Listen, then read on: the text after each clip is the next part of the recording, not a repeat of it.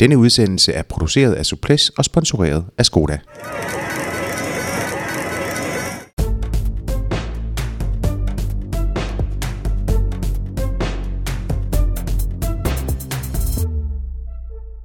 Velkommen indenfor til en noget anderledes udgave af Suples. Anderledes, fordi den mestendels bliver på engelsk denne gang. Og det gør den, fordi vi har to gæster med på Skype-forbindelse. Den ene fra Belgien, den anden fra England. Noget, der dog er, som det plejer at være, det er simpelthen os. Mit navn er Jakob Stælen, og jeg har som altid Lars B. Jørgensen med mig i studiet. Velkommen til dig, Lars. Mange tak. Og helt som vanligt, så er Skoda også sponsor for de her udsendelser. Det takker vi for, og jeg tror også, at Christian Rosenborg gør. Undskyld, Rosenberg gør. Han vandt nemlig konkurrencen, som vi søsatte før påske. Her bad vi jer lytter om at øh, skrive, hvilken af brostensklassikerne Flandern Rundt eller Paris-Roubaix, der var favoritten. Christian han svarede Flanderen, noget ulig som mange andre, men han var manden, der røg op af hatten, da vi trak lod, og han kan nu se frem til at modtage et uh, sæt cykeltøj fra vores sponsor Skoda. Tillykke til dig, Christian, og til alle jer, som uh, deltog på vores Facebook-side. Der skal der lyde et stort tak. Nå, Lars, vi skal have gang i uh, resultatoverflyvningen, inden vi kommer til uh, dagens gæster. Det skal vi. Uh, vi tager den... Uh den grove version, så vi øh, springer let og elegant hen over de øh, mindre franske løb, der også har været kørt, så jeg advaret. Øh, men øh, Dvarsdorf Flanderen blev kørt med Yves Lampard som vinder, Mike Tønnesen fra Sunweb på andenpladsen og Sepp van Mark på tredjepladsen. Vi havde så i øvrigt Mads Pedersen på en femteplads der.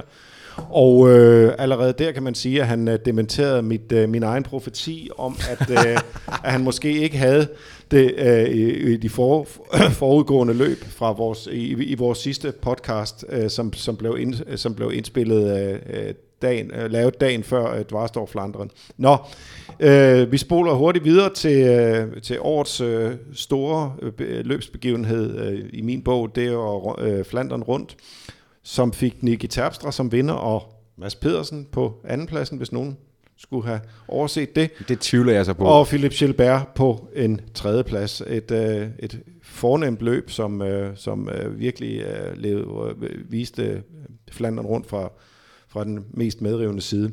Øh, og så var der crashfesten uh, Shelter Prize i går, som faktisk ikke var så stor en crashfest, men dog øh, øh, havde sin egen, sit eget øh, barokke moment, da, da 54 rytter blev pillet ud af løbet for at have krydset en jernbaneoverskæring. Og øh, løbet resulterede i øh, Quicksteps 24. sæsonsejr, da Fabio Jacobsen bankede først over stregen. Neoproen. Neopro øh, med Fabio Jacobsen. Og det er, mere, det, er værd, og det er værd at få med, at øh, Michael Mørko igen øh, lavede en øh, smuk lead-out, og at øh, Kasper Askren øh, debuterede for Quickstep i det løb, og faktisk øh, lavede en øh, mandfolkepræstation, øh, så meget som, som jeg så, og, og var virkelig instrumental i, øh, i Quicksteps øh, føringsarbejde i, øh, ind på de sidste kilometer.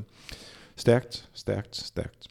Ja, vi skal jo tale, vi skal jo tale meget mere øh, Flandern, og vi skal simpelthen også kigge frem mod øh, Paris-Roubaix, og det her det giver mig anledning til at, at, at så få præsenteret den, den, den første mand, som... Øh, som vi giver et, et Skype-opkald. Den første mand, det er Andy Hood, mangeårig skribent på, på Velo News, øh, amerikansk af, øh, af fødsel, øh, men, men øh, efterhånden ret europæisk. Han har jo boet i Europa i... Ja, han er bosiddende i Spanien og har været det i stort set øh, alle årene. Ja. Spansk og, gift og, og har dækket, øh, dækket cykelsporten siden, øh, som, ja, siden Bjarne Ries, han, øh, han vandt Tour de France. Ja, han debuterede i Tour de France i 96.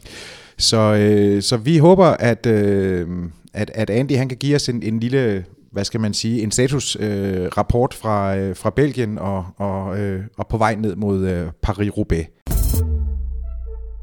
Andy, welcome to, uh, to Suples. It's a pleasure to have you here. You are in you're in Belgium right now, um, covering the, uh, the, the, the the spring classics, and um, right now attending press meetings for all the uh, the cycling teams leading up to the Paris Roubaix. I guess how was it at the the, the Quickstep press conference? Can they walk on water, or they just uh, keep big smiles all over the, their faces right now? It's been an amazing spring they've had so far. It, it certainly has. And guys, thanks for having me. Uh, couple of old friends from the Road Warrior days of covering the Tour de France. so it's, it's, nice to talk to you guys. Um, yeah, it's, it's been really the, the quick step uh, show, this, these whole classics. I mean, even yesterday at Scheldeprijs, they, took, they took that trophy with a young up and coming sprinter. So it seems like they can do no wrong. Um, the only race they have lost uh, was Ghent Wevelgem, and that was a in that reduced bunch sprint when Sagan kind of pipped uh, Viviani when they were second there. But yeah, I mean the vibe inside the the Quick Step team right now is just they're just on a roll, and it's been interesting, you know, because that team has always done well in the classics, but as, as you guys know, you know Tom Boonen was kind of the center gravity of, of that team for almost 15 years. So the fact that he's not there has kind of really opened up the team to let these other guys have a chance to win. I mean, of course, we saw Terpstra win a couple years ago, Roubaix. But that's that's the vibe we're getting. That that the post Boonen era. It's kind of a new kind of spirit in the team. You know, it's kind of a one for all, all for one, musketeer kind of uh, mentality. And man, the tactics are pretty hard to beat because you got those three or four guys really at a top level who could be captains on almost any team. Yeah, but uh, it seems to me that that that the tactics could backlash also. I mean, they they are very strong uh, riders uh, in each respect. I mean, with uh, Gilbert, Stybar, Terpstra, even uh, Yves Lampaert. Uh, they are they're all winners, so so it's not not necessarily uh, an easy task to, to to make it work always. I mean, and and uh, and uh, even a guy like Nick Terpstra seems like quite an autonomous uh, uh character, also hard to, to to control for all. Yeah, it's, it's been interesting. I mean, I've asked that question a couple times. I had a conversation yesterday with Tom Steels, one of the sport directors, and just asked, you know, how do you guys manage that? Because normally you've seen in the past, you know, where you have a couple of big egos on the same team. There'll be some negative racing, almost rivals within the same team. But they insist that that is not the vibe right now. Um, they say they race together. I was even wondering if they might have some sort of uh, prize package, you know, some sort of incentive that – that uh, if the team wins, you know, everyone kind of comes out on top. I don't know if that means they just get like unlimited beer at the end of the spring classic season. They're happy with that, or or there's something a little bit more there at the end of the line. But uh, the sources I was talking to, there's not some sort of special bonus uh, program set up, even just to split the prize money more beyond the traditional way. It's like a bigger kind of a prize or a bonus at the end of the classic season. If the whole team wins, do they all get X amount of money extra? But evidently, that is not the case. Um, yeah, it's been interesting because you're exactly right, Lars. I mean, that it could totally backfire if these guys start racing against each other. But really, so far they haven't. I mean, the guy that's been interesting to watch has been Gilbert. You know, here's a guy, mm. you know, coming in at the end of his career, really, you know, kind of had a comeback last year, a renaissance. He kind of languished there for a few years at BMC, and last year he, he won. Uh, Flanders and then won Amstel Gold and had that crash and couldn't quite perform in the Ardennes as he had hoped. But this year, coming into the Northern Cloud, the Cobble Classics, really trying to to win, try to win that that fourth monument at Roubaix on Sunday. But he's been the most loyal of all those guys. I mean, mm. when when Terpstra goes or Lampaert goes or these other other guys go, Gilbert has been playing the team card, you know, holding back, holding back. You know, he's probably hoping that would help him by having a guy like Terpstra up the road that would force the other riders to chase. And then once they neutralized Terpstra, he could go. But so far, Terpstra's been so strong that that uh, that Gilbert hasn't had a chance to come over the top. yeah, because it, it, seems like they can be almost intimidating to the other riders. That uh, they know that they'll if if they go chasing one quick step rider, they'll have another quick step rider right on their back wheel, and then that sort of uh, kills uh, the. Yeah, uh, it's come the to desire. a point where it's come to a point where it's it, it's changed the dynamics uh, of the race, which we saw in, in, in Flanders, where, I mean. The Sagan uh, tried to go uh, on on Paterberg, the last uh, uh, ascent of, of Paterberg, and, and he made a he could made a little gap, but but then he just sort of resigned after that.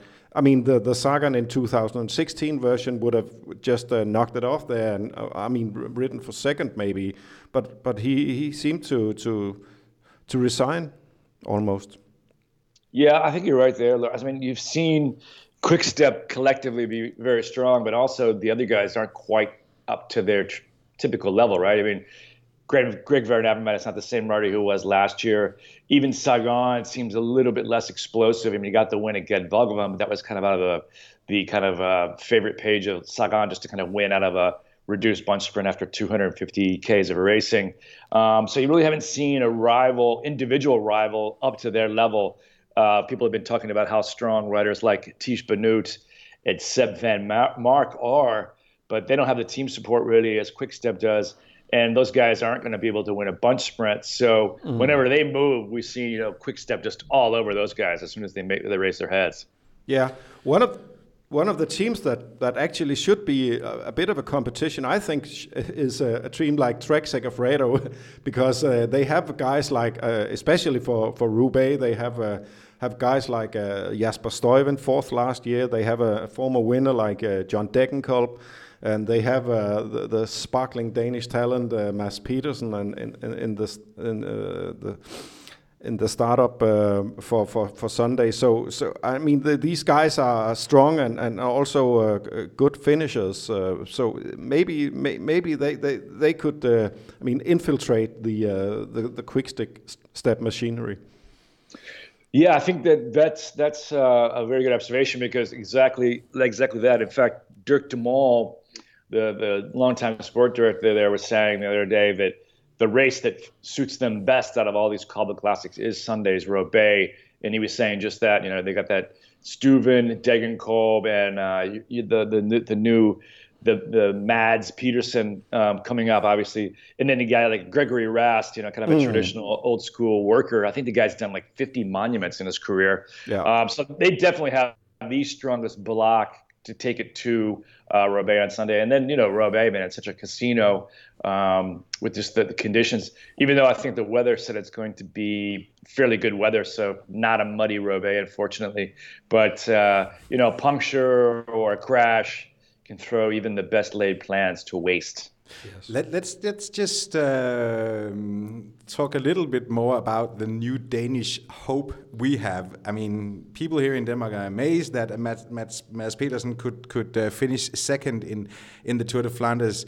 Uh, I, I, guess, but and we even know him uh, a little bit. Uh, I guess it must be it must have been um, an even bigger surprise to to you and all the uh, the other uh, well the peloton uh, in, in in in a whole that that Mats could could ride in for for a podium um, in in his first Tour de Flanders.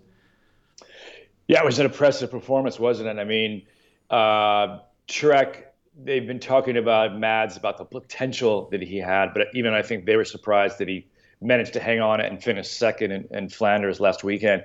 I mean, what what impressed me most was when you know Terpstra came up to those guys and Terpstra very wisely rode straight through them. And of course, he was strong, but I think Terpstra has learned in the past where if he gets any sort of company, it complicates it him for the victory because he doesn't quite have that fast speed. We've seen him lose races before to guys like Sagan and Van Avermaet. So when he came up to that group of uh, those three riders that had uh, Mad, so that he just went right through them.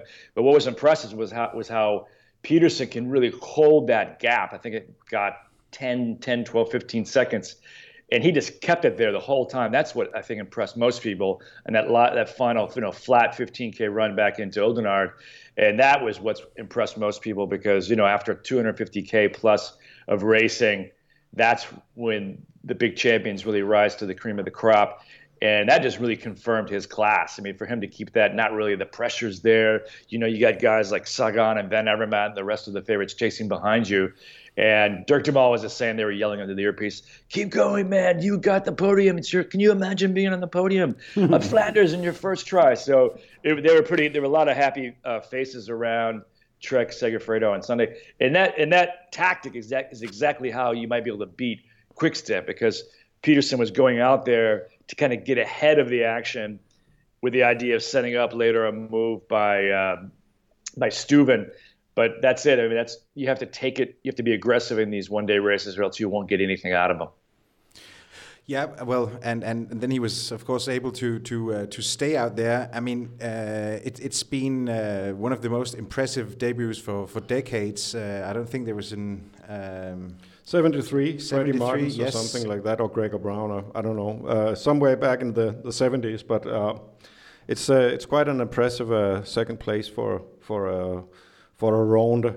Uh, but um, you went to uh, to Trek Segafredo afterwards, and you also uh, I mean I know that you for for Velo News made a, a small uh, mini portrait of uh, of uh, Mads Petersen and very well written, by the way. Uh, but uh, what is uh, the, the, the, I mean, what's the buzz on the team around him right now? They, they, they prolonged his contract also. They they must see a, a big a big hope in in in, in him. They, they really do. Uh, was saying that just some of the power numbers that he's producing in some of these tests, you know, these days everything's about the power meters and the watts, and that's really the kind of the baseline, really, of measuring potential. And so he's kind of off, you know, very solid, good big numbers for a, a guy of his age. So they see unlimited potential there on that end of the of the scale. And of course, it's just kind of getting that racing acumen, that knowledge, and that and having the kind of the guts to to stick it out and have the skills to race against these top guys. And he's already showing that. I mean, really already at a young age, right? I mean, he was uh, already winning as a U23 and a junior, getting some early pro wins, and to be able to do this really at the world tour level in his debut at Flanders really just shows um, his potential and you know you got to wonder when he when did he make that negotiation for his contract and obviously if they if, if, they announced it i think the day after uh, the day after his Flanders. My sources you know, say that, that they have a, they had that contract for months, so I I, I think they've made a good deal uh, from the yeah. team's perspective. Yeah, I think you're right there. He's probably kicking his age, like, man, I told you we should have waited until after. exactly. He just missed out on a big chunk of money. But but he's not the only Dane. I mean, we have uh, Michael Valgren, who, who also won uh, uh, the uh, uh, Het Volk or Omloop Nieuwsblad, as some prefer to call it, um, earlier this season. Uh, we have a Dane like uh, Magnus Cort, and we also have um, um, we also have Søren Kragh. Uh, he, he's he's going to gate crash uh, the, the, the, the cycling party uh, in in due time. Uh, is is the, these this this quartet of Danes is, is has it become the talk of the press room, or you, you too busy um, doing other things, so to speak? yeah. I mean, to be honest, I don't think they're, they're quite the talk of the press room yet, uh, simply because I think people are just so kind of uh, obsessed with Sagan, really. I mean, Sagan is this guy who kind of takes all the oxygen out, out of the, uh, yeah. the, pre- the, press tent, really, because. and Quickstep also. It's hard to compete with. yeah, between those two. But really, it's Sagan has, has really kind of emerged as the media darling and and you know now everything was with analytics when we see it we do a web story we can see what people are reading obviously so you know you do a story about mads petersen this great potential uh, young rider dynamic charismatic you know a big star from his country and it moves the needle a little bit but when you just put anything about peter sagan it just it's, goes it's off, off the, charts. charts. Yeah, yeah, yeah, yeah, yeah. so that's but you know hey i mean uh, people like winners right so if petersen continues to, to deliver and perform they'll be certainly a growing buzz yeah. around him. But but it, but you guys do have a nice core group of uh, of Danes coming up. I had uh, earlier this winter or at the Ruta del Sol. I had just a brief chat uh, to Jakob Fuglsang there, mm. and he was just saying how he's you know always impressed about how much how fervent the Danish fans are cycling following cycling. So to have some young promising talent uh, coming through the ranks is, is, is, good news for the Danish scene for yeah, sure. Sure. sure. speaking about Sagan, I mean, I mean, he's uh, he's consecutive uh, world champion three times in a row, and it's it's an uh, historical historical attempt. Uh, uh, it's historical in itself, but but right now, his his spring is uh, just an. it's not really gonna happen. it's not really happened so far. I mean, and and for now, he's he's won one monument. He, his career is. I mean it's, a bit as, uh, in, a, in a stale situation. Uh, could be, I mean. Yeah, yeah, it's interesting, isn't it? I mean, because Sagan, you know, so wildly successful, you know, at the tour, the green jerseys, three times world champion, and that already puts him kind of in a, in a class uh, by himself in, in the history for books sure. just for the world. And all in, but, extremely but charismatic, also. I mean, so. Oh, of course, but and then when it comes to the monuments, exactly right. He's, he's won, quote, only one uh, guys like Terpstra have won two. You know, Gilbert has won four. So you have to wonder. You know, the big question for me is always, you know, really how much does Sagan want this kind of stuff? Because he's obviously just born to race a bike. Uh, from what we understand, he trains like a professional, lives mm. like a mm. pro, very dedicated to everything that he needs to do to be a professional racer. But every time you get him, uh, you know, in a press conference or an interview, he just says, "It goes, you know, I really don't care if I win or lose. It, to me, it's about the show. I race on instinct. Mm. It's all about." Uh, you know, feeling good about the performance, and if I win, he said, Chris said, of course, winning, winning is better than losing. But you know, you almost wonder sometimes if Sagan, if he was just a little bit more, you know, of a killer inside of him, then he might have won a few more of these races. But I mean, these these that's that's the problem with racing when you target these monuments. There's only, mean, how many on the calendar? There's five per year, right? And two don't even mm. really suit him in terms of the Lombardia and uh, Liège. Liège. Mm. So you got three day three days in the calendar to kind of measure yourself. So he's been so close to San Remo two or three times. Uh, you know, Flanders is ideal for him. He's won it once. Roubaix, I think, is going to be trickier for Sagan on Sunday than, than, than Flanders was. But yeah, I mean, you know, how do you measure a guy like Sagan? He, he's he's he's one of the greatest for sure. But man, it would be nice to see him win a few more. But then, but then if he if he started to win all the time, everyone would complain about how boring that is. So you know, yeah, yeah. He's, got, he's, he's, he's still got, a bookmaker. He's got ticket as it comes, right? He's still a bookmaker favorite for Sunday. But do you think that that is uh, the correct picture of a of a of, of, of uh, overall right now, I mean, I, I don't see Peter Sagan as the favorite for for Roubaix. Yeah, I saw that too. It kind of seems odd because I think Sagan's best Roubaix was like sixth, maybe. Yeah, sixth. Um, mm. Yeah. So, yeah, I, I, I, agree. I see other guys that look a little bit stronger. I mean, just the quick step block, uh, Vanmarcke, uh, like you said, the Trek, the Trek group looks very strong. Um, and then Roubaix is one of those races where you get these kind of one-off winners, like guys that headbangers that go out there year after year and and, and try to win Roubaix. We've seen guys like uh, Van Zonneveld, Vansummeren, uh, Matt Hayman, Stuart O'Grady. These kind of old cagey pros that know how to race Roubaix. That might things might just fall into the you know the stars might align that day. So you never know. You might see an outsider like that, kind of you know top line outsider get that ride of his lifetime. But mm. Sagan, you know, I mean, he could win. He could win any race if he if he if he if he if he wants to. For sure. But, but who do you pick? Who do you pick, Andy? For Sunday? Yeah, God, I, I haven't. I have. I, am gonna. You know, my my gut has been telling me this whole classic season that Gilbert is gonna win a big one. He just, to me, he looks very strong, and just the the circumstances of the race haven't gone his way. Uh, and then my second favorite would be Stybar. I mean, he's a guy made for for Roubaix He's twice been second. He's on that quick step team.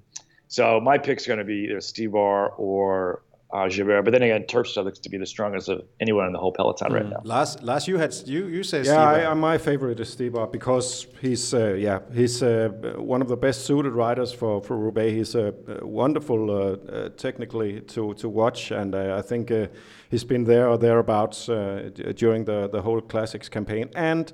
I don't think that Gilbert, who's only ridden uh, Paris-Roubaix once in back in uh, in, in uh, 07, uh, really has the experience uh, playing for uh, in, in his ad advantage. So, but who needs experience if you're called Mads Pedersen? Um, ah, yeah, that's true. just, that's just, true. Just let, let, me let me. The best Danish result ever in a Paris-Roubaix is fifth, as um, Lars Michaelsen has done it. Mm. Lars Bak has done it. Um, do we think that that could be topped? A top five? Uh, yeah, perhaps. I mean, uh, is is Mads the only Dane? Who else is riding from Denmark? Because uh, uh, yeah, not lining up. Ma- Magnus Cort on a very on a very weak uh, Astana team, and and uh, Søren Kragh on uh, Team Sunweb. So uh, yeah. Okay. yeah, I mean, I, I guess the the man to do that would be Mads, you know, um, might be a little bit more of a marked man this time. Who knows? But it, it's all about just the legs, really, isn't it? At, at Roubaix, it's basically a 200 kilometer time trial across uh, roads from the 19th century. Yeah, yeah, yeah. Okay. All right, Andy. Thanks so much. Thank you for, for taking the time to talk to us. What's what's the what's on the schedule today? Today, the schedule includes uh, work, squeezing in a bike ride, going to the Quick Step press conference and then to Trex. So we'll say hello to your buddy Mads later All on this right. evening. Okay. Thank you so much. Thanks for being with us, Andy. Yeah, thank you. Have a nice, uh, have a nice uh, ride. Thank you. Bye.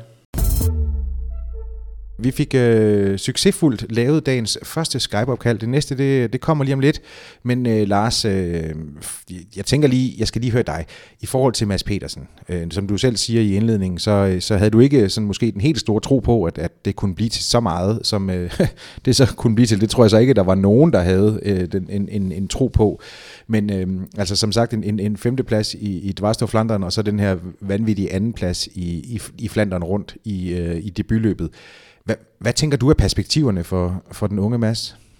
Jamen, de er jo, øh, han har sagt, øh, uden grænser. Jeg, jeg synes jo, altså man, man skal jo nogle gange passe på med ikke at, og, øh, at, at sætte øh, forventningerne for højt, når, når, når, når der bliver skabt et, når en ung rytter skaber et, øh, et, et, et stort resultat, fordi det, det kan jo vise sig at være, hvad skal man sige, en... Øh, øh, Øh, jeg vil ikke kalde det en døgnflue, men det kan jo vise sig at være en, øh, et, et, et, et, et, et, et, sådan et, et mere lucky punch, hvis man kan sige det sådan. Men det er der jo ikke tale om her. Jeg synes jo, alt i, øh, i Mads Pedersens øh, historik øh, peger på, at, at han har det der.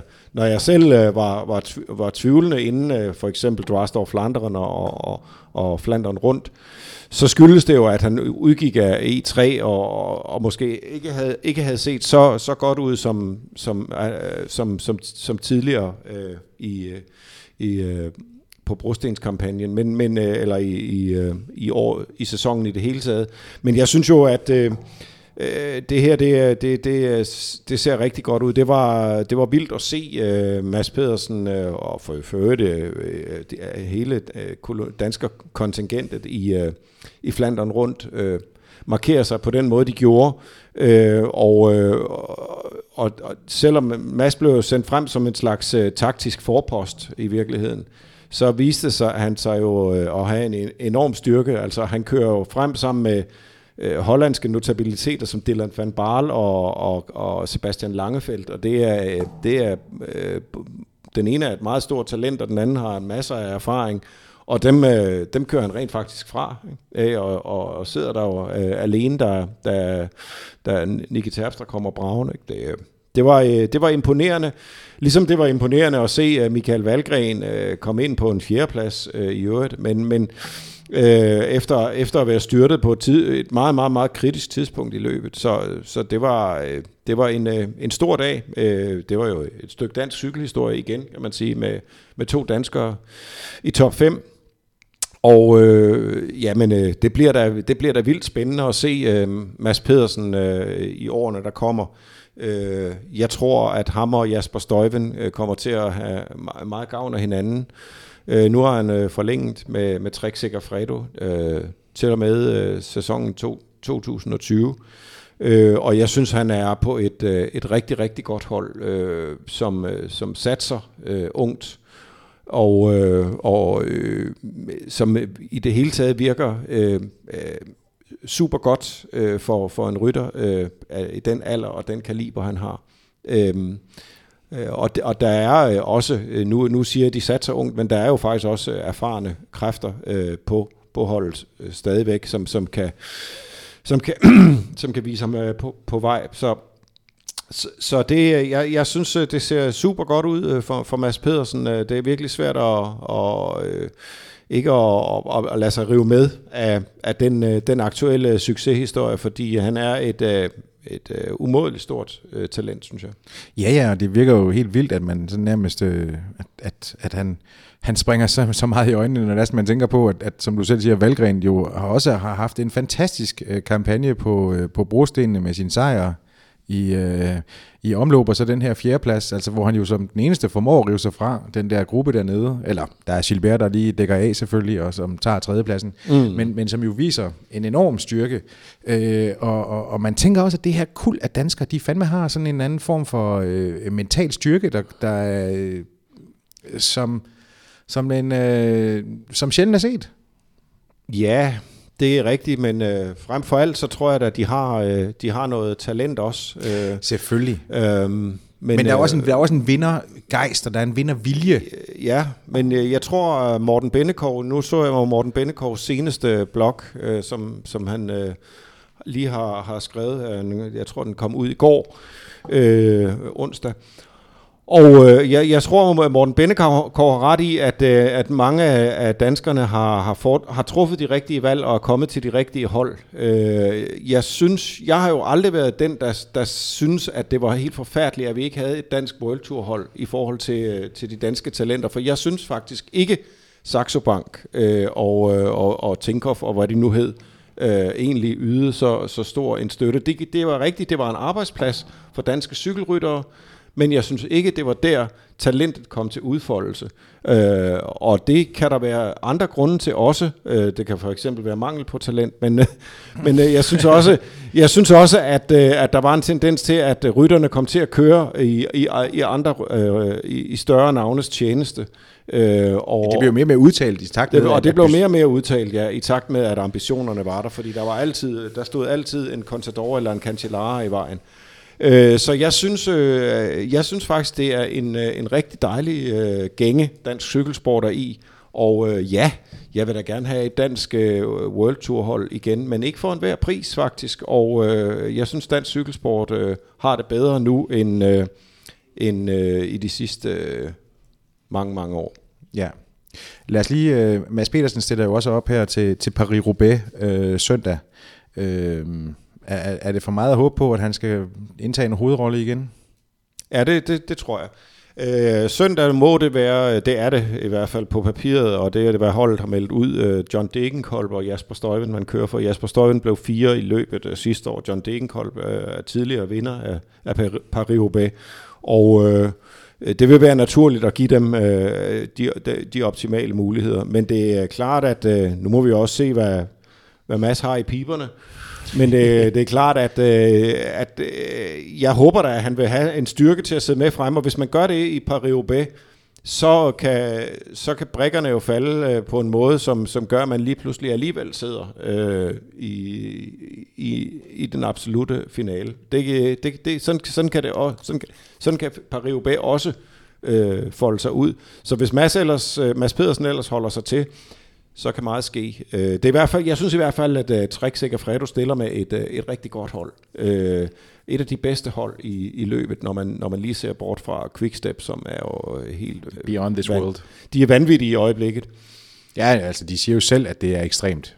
Ja, det, men det, det, det er det jo, fordi... Selv, altså, det, det, det her det er ekstremt. 24 sejre. Det er, det er det jo, fordi det skal, man skal jo sætte de 24 sejre, de har taget nu i, i år, det skal man jo sætte i det perspektiv, at at da, da HTC Columbia lavede 85 sejre i sæsonen 2009, og det er, den, det er den største, at det største antal sejre i, i det her årtusinde, øh, der havde HTC øh, 15 sejre per 4. april, og, og Quickstep har 24 på samme dato.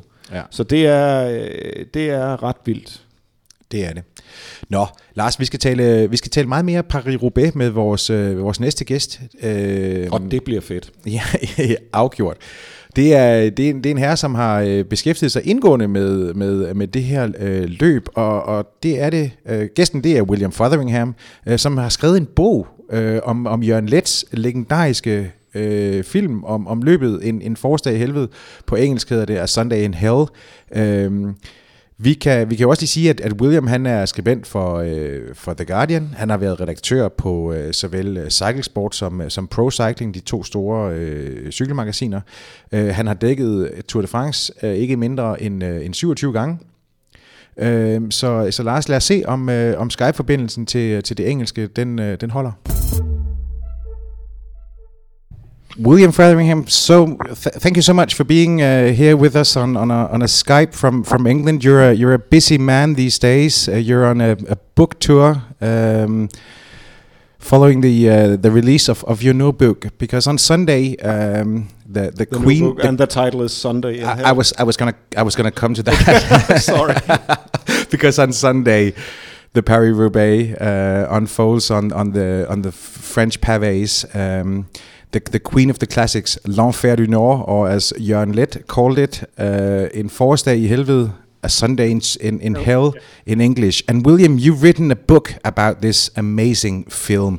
How come you've written a book about a film? Well, it's it's funny. It's the first question everybody's asking now. Yeah. What, how, well, how original are we then? because I, th- I, think there's two sides to it. One is that um, it's always important to look for new angles about cycling. You know, um, you can't just write. You know, you can write a book about a race, you can write a book about a person, and so on and so forth. But you have to always look for new angles. You know, and yeah, when I went to a screening of the film um, in Bristol uh, about five or six years ago, I think, and um, they had flown Jorgen over to to take a Q and A, and I had to compare it, uh, which was a big pleasure and an honor. And um, when you got Jorgen in a position where you can ask him detailed questions about the film, and you could you could also and also obviously you see the film on the big screen.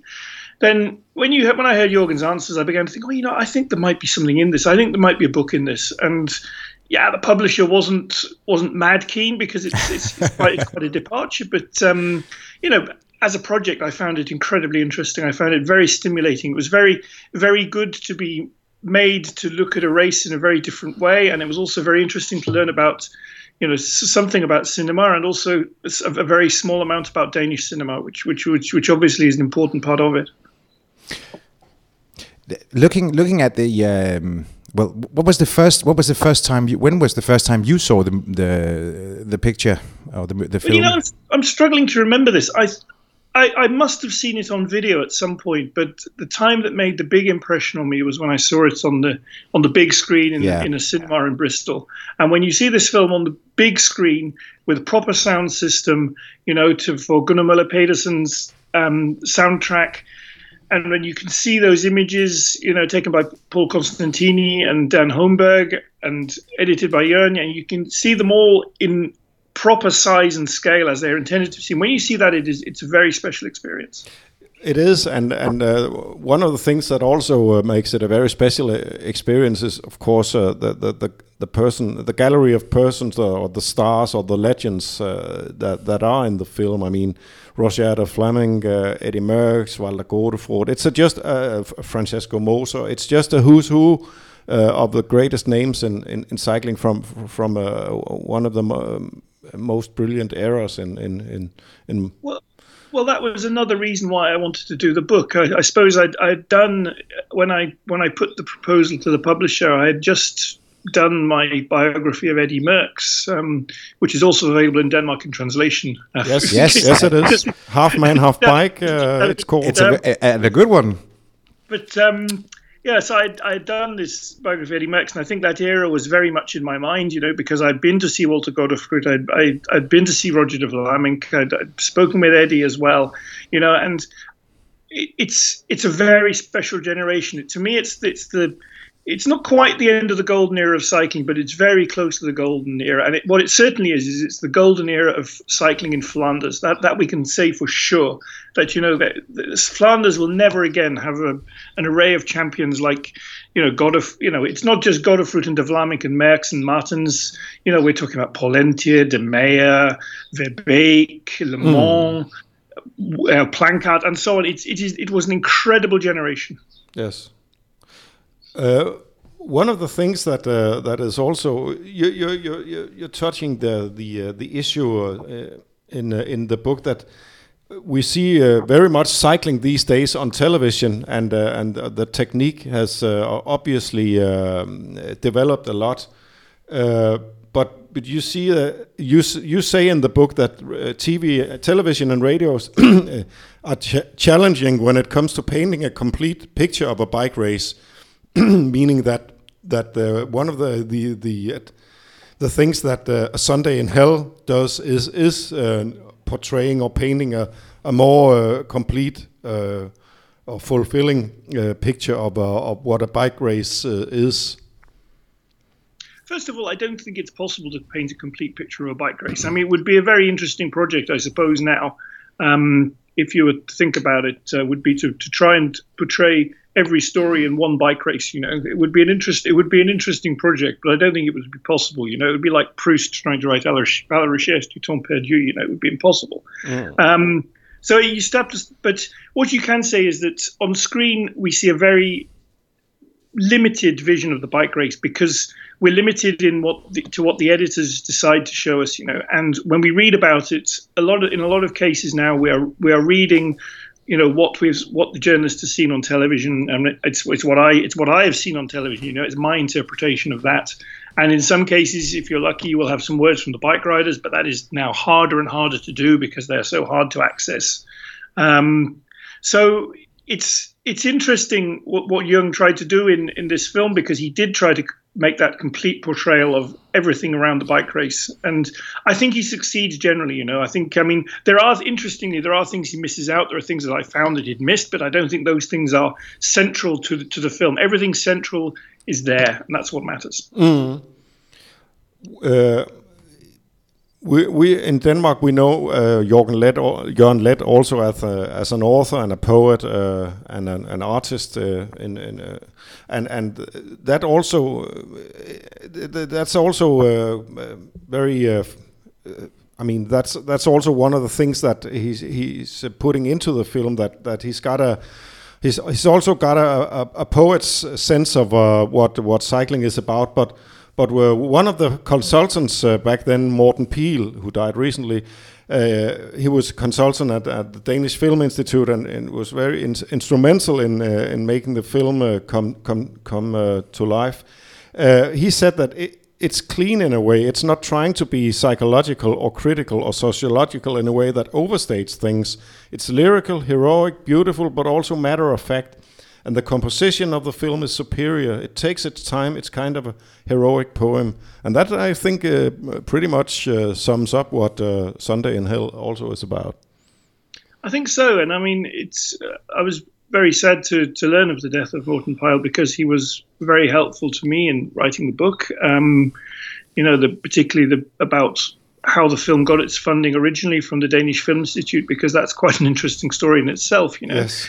Um, but yeah, I think it was it was Gunnar Moller Pedersen who said to me that you know without Jørgen's poetry, it would just be another sports film. You know, and I'm I think it's it's very important that Jørgen has that has that vision. He has that way of seeing things differently. He can do things which are normal.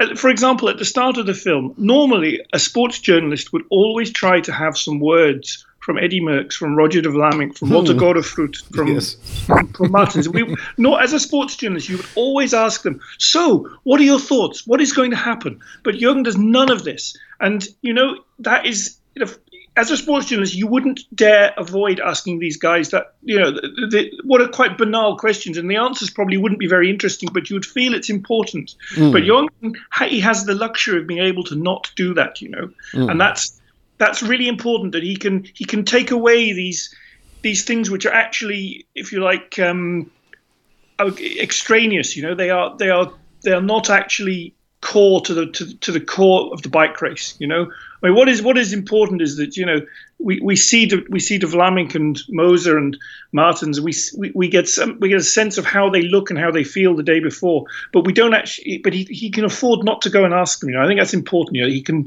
he can he can do things he, he can do things in a different way, and it's it's, it's that's that's what makes this film very special. Yeah, and and and and, and that way he, he sort of uh, I mean he lets us draw our own conclusions or or, or, or draw on our own senses of what what uh, the the experience of how how does Roger de Vlaeminck look or how does uh, Eddy Merckx look uh, what what's what's the expression of their faces and and the, the body language and, and, and all that. Uh, it, it, you, you, as a as a as a viewer, you have to to to be more on your toes, so to speak. You do, and and I think you know you you can. I mean, what's quite interesting, for example, is he doesn't translate a lot of the, the a lot of the Italian, Flemish, and French in the film.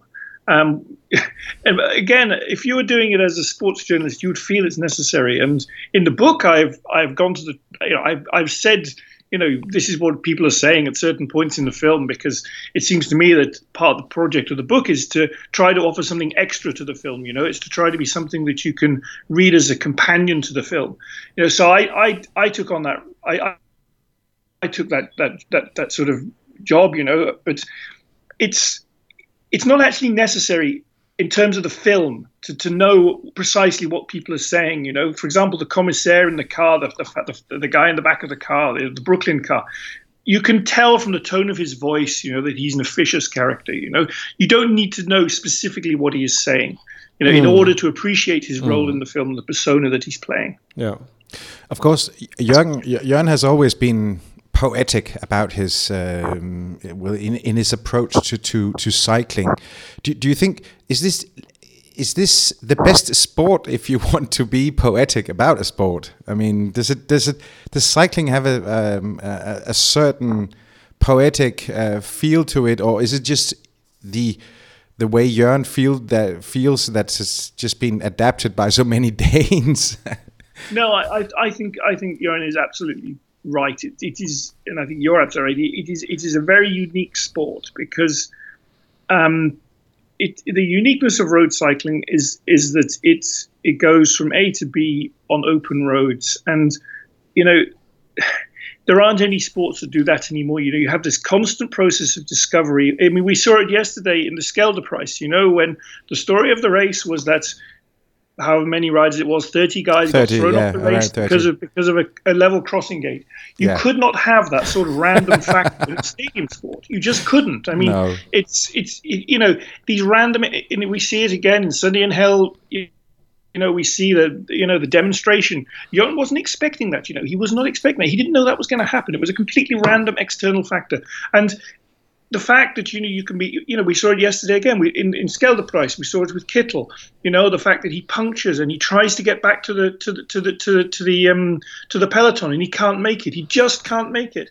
You know these are it's the random things that happen on the road and that is the that's the great romance and poetry of, of road cycling. And fortunately, that hasn't changed. You know, that hasn't essentially changed since 1903 when the Tour de France started. It's that that is still the essence of this sport, and it's the thing that hasn't changed. And it's it's the most important thing about the sport, and it's why someone like Jon, who is a poet, can come here and get some very special things out of it. And I'd say he can get more out of it than he could out of soccer or out of um, even out of table tennis, which he did a very good. You know, he did a lovely little documentary on table tennis. But you can't with road cycling. It's just very different, you know, and that's it's just very special because of that. That totally. You know the scenery, the fact that you can when they when they go from Paris to Roubaix on or from Compiègne to Roubaix on Sunday, they will go through two or three different kinds of scenery, two different kinds of three different kinds of regions. The backdrop will change all the time, and it's it's it's that that makes this sport so special. Mm.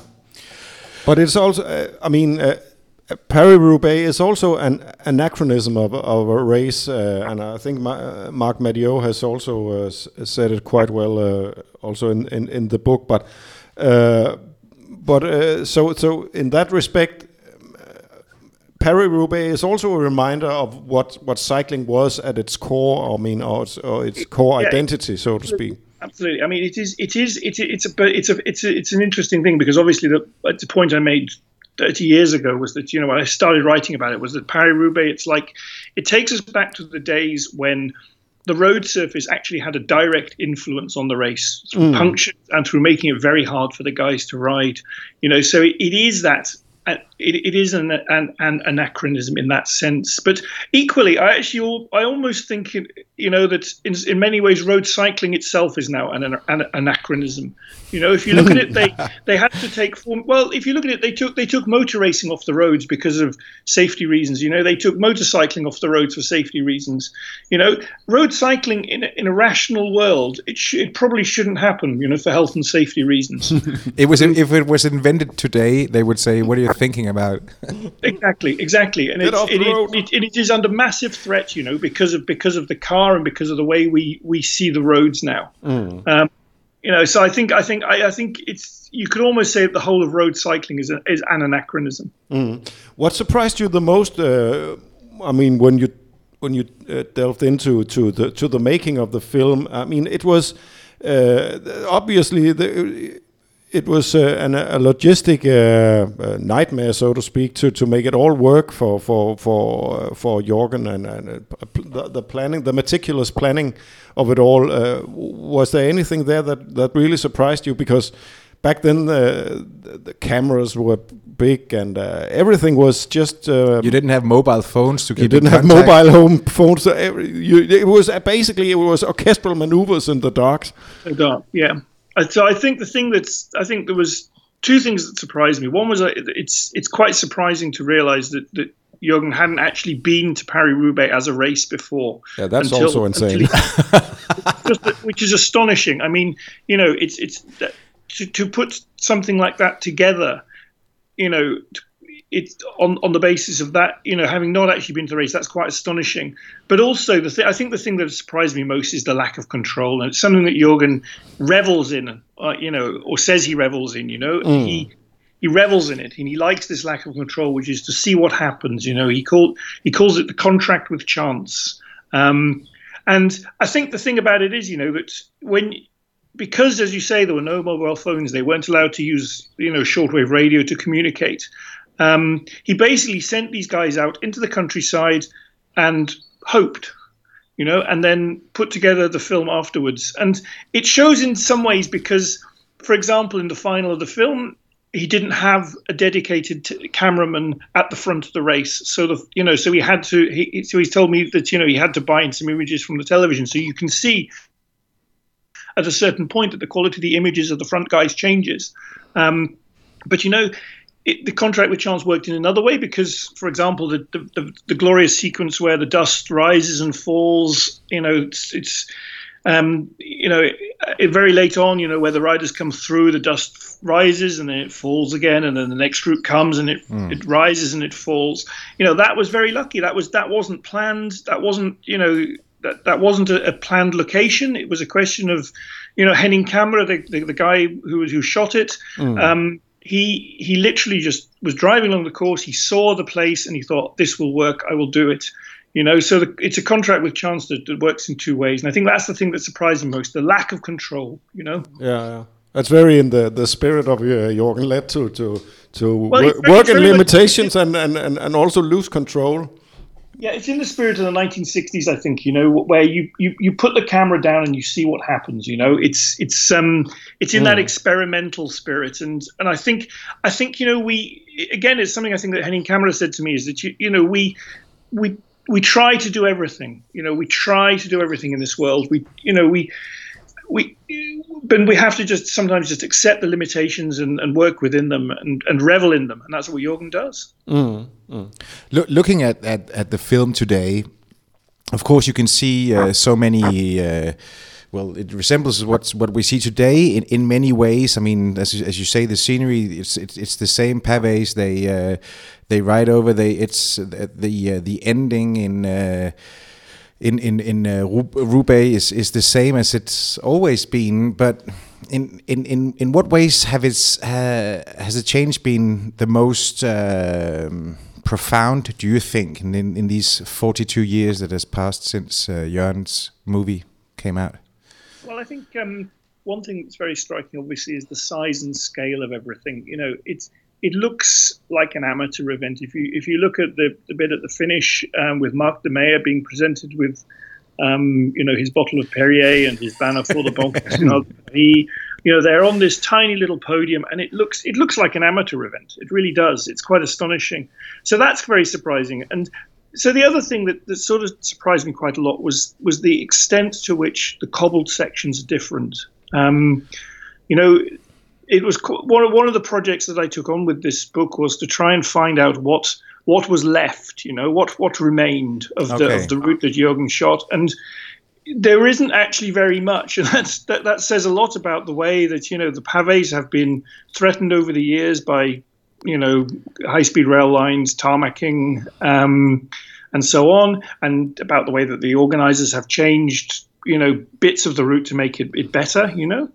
Um, so I think that's the thing that really, that's the really big change. The fact that, you know, when they get to the pavé, um, until the finish, there are, I think, four or five sections that, that are still run today that, that Jørgen's film used, you know, and or that they used in 1976, and that's a real surprise, I think, you know. Out of the 29, because we, we're, we're about to see out of the 20. Yeah, so the you know, the, the Nervy Hill, where the where that all those where that sequence with De Vlaeminck um, is shot, you know, with De Vlaeminck waving away the television uh, Yeah, the yeah. television cameras at the start of the pave. That that hill is it's still got cobbles on it. It's beautiful cobbles, but they don't use it anymore. Um, that joins into some sections at the start, which are still used. Um, there's another section which is used, still used, um, where they, where um, I think it, where they shot a very nice long lens shot of the guys coming coming up for about a mile. That's that's used, but in the opposite direction. Pont Gibus, the the disused railway bridge. That's another one. Um, Carrefour de l'Arbre, but they approached it from a different way. Um, so they still went across Carrefour de l'Arbre, but they didn't use the road they use today. They used a different track, um, and that's about it. You know, it's it's not many sections of cobbles that that, that still coincide between the two. So, Interesting. so, so does does uh, Roger de Vlaeminck, uh, who has been criticizing Spo, the cycling uh, ever since he, he left it, does he have a point when he says that it was much tougher back in the days? Probably. I mean, and I think the thing that I think the, the principal difference, the thing that, that really surprised me was talking to, I think it was Jean Francois Pescheux and Walter Godefroot who made this point that today, because in every section of cobbles, every strategic location, teams will have riders with wheels. Exactly. So you can you can puncture in a co- section of cobbles and you can get a wheel pretty quick normally because none of the sections of cobbles are very long now. Um, so the the, the, the thing that for De Vlaeminck would have made it really tough, and that, if you look at it, Walter Godefroot he loses the 1976 race because of a puncture. Today he probably wouldn't have lost the race. He would probably have got a wheel at the end of that section of cobbles and got back on through the cars. You know, so normally he would have got back on. But um, it's so back then, if you if you punctured, it was an absolute disaster because you would it, at, at the very best case you were chasing for miles and miles and miles, like Maertens, like Merckx, um, like Poulidor. They all on that in that 1976 race, they lost a lot of time with punctures, and they had to spend a lot lot of time because you had to wait for so long for your car to come up through the convoy. You know, so I think De Vlaeminck is actually correct when he says that. You know, it was certainly harder because if you punctured, you paid a far higher price. I think. Yeah, sorry, Lars. Uh, in yeah, thank. In uh, in the book, uh, you also mentioned that uh, there was a, a certain uh, Indiana um, Jones moment. Uh, it's no secret that uh, we we met in Copenhagen when you when you traveled here to to do the the, the research uh, for the book. You went into the, the Danish Film In- Institute and had uh, access to uh, to Jørgen Leth's vault and all his uh, documents and notebooks and. Uh, what was your what was your uh, reaction to, to, to, to gaining access to that and, and, and see what, what what what was what was in the vault?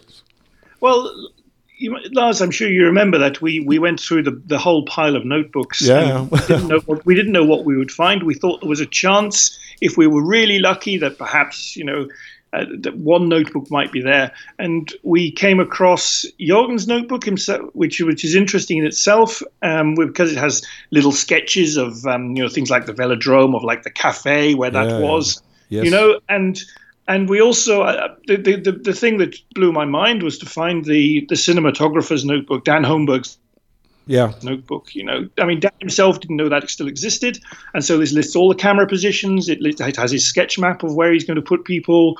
It has the the assignments for every photographer uh, for every camera crew. Except I would say that in quite a lot of cases, I suspect they they struggle to fill all those. Po- posts because of the logistics of the day. So I think it was an amazing moment. I mean, the, to be honest, the notebooks don't feature very, very strongly in the book because No. It was very hard to integrate them into the text, and sure. I didn't want to go into massive, immense detail from them. You know, No.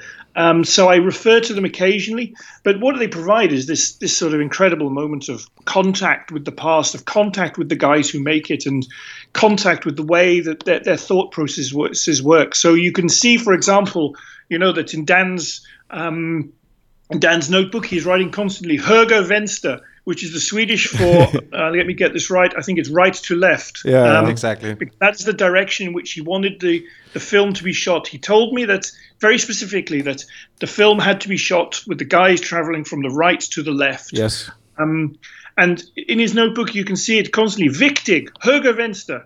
So I- excuse me if I'm pronouncing it wrongly. you Yeah, know? no, it's a, You're, you're doing good. yeah. and you also see these little maps, you know, where you know you the the, the cameraman has to stand by a garden fence you know, next to a, next to a you know, next to a bit of pave, next to a big tree or something. Mm. And it's incredibly precise, some of these diagrams mm. that Dan made of precisely where he wanted the cameras to stand.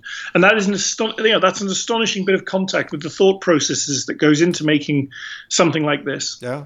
And I, I will have to, to give you credit that uh, that uh, it's it, you also managed to to make the film uh, come to life uh, in uh, in a new way in, in your book. So it's it's really it really is a good uh, companion uh, uh, to to to go, to seeing the film uh, once again. I've, I've seen it. I, I know no, don't know how many times, but but I see it from time to time, and uh, I never get, really get tired of it. Uh, it, it. It's it's a good thing to to and and Jørn's soothing well, voice as well no I mean, his, his delivery is fantastic. I watched it on Tuesday night in London, and it was the version with English subtitles. So it wasn't the it didn't have. I mean, the English version is lovely because the guy who, who delivered the commentary has a beautiful English voice. But to listen to Jørn's poetic delivery is just beautiful, you know, and his his way of talking is lovely, and you hear it on Stars and Water Carriers also. It's just mm. beautiful. Mm.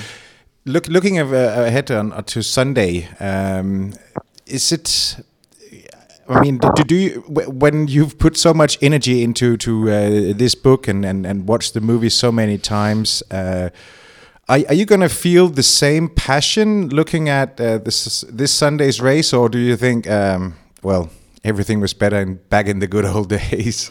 No, it's it's always the same with Paris Roubaix. Um, I cannot stay away from the race. I'm I would say I'm almost obsessed with it. I, I I when I when I see them coming towards Troisvilles, you know, I get shivers going up and down my spine. Hmm. and normally, what happens is I it's oh, I don't know eleven o'clock in the morning on on that Sunday.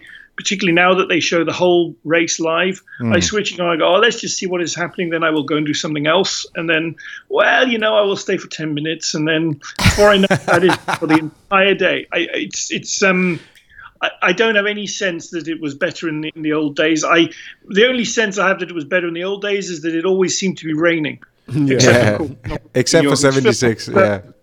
Jørgen Sunday, which is probably a good thing. But you know, no, I, I, have no sense that it was better in the past. I, I, I, I simply cannot stay away from that race. You know, I have to watch. I have to watch every minute of it if possible. Yeah, it's a it's a it's a state of mind that race. But uh, who's going to win on Sunday? Have you any idea? Uh, normally, no, normally Peter Sagan should win. Um, he, it's time. Um, but you know, I keep thinking that at some point the riders will will gang together and all go against Quickstep because Quickstep are having a crazily good spring. But I don't see any sign of that happening yet. So no. um, my my my heart says that Peter Sagan will win because he's it's he's it's time for him to win it, you know, mm. um, and because he's very good he's a great bike handler. Um, but perhaps he needs a wet Paris Roubaix in order to win, you know, because I think if if normally the script that I would see is that they will come to the finish, or not the finish, but to the final 25 kilometers with a lot of riders in the front, and that will favor Quickstep because Quickstep will have a lot of riders up there. So maybe Philippe Gilbert is the big favorite in that circumstance.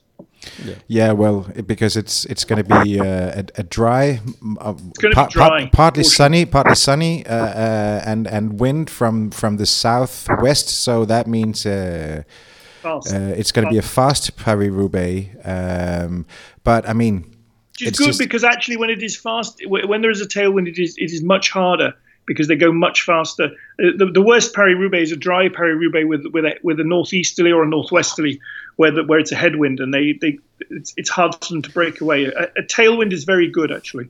Mm. Yeah, well, and and of course it's just um, like I, I can totally. Uh, th- uh, well, I, I know what you what you feel when, when you talk about the Paris Roubaix. I mean, standing there in Roubaix on the Velodrome du Roubaix, it's just uh, amazing when the riders enter. That's just just um, one of the moments you have to prize forever. Goose pimple guarantee. Yeah, exactly. Fantastic because you you know it's it's it's it's a throwback in that sense in that you know in the in the in the past so many races finished on velodromes, you know, and now this is the only one, you mm. know, and. Mm. It's it, a, velodrome finish is a, is a great thing because you have that cauldron of sound, that cauldron of people, and um, yeah, it's that's that's another reason why this race is unique. Yes. William, thank you so much for taking the time to talk to us. No, it's been a massive pleasure.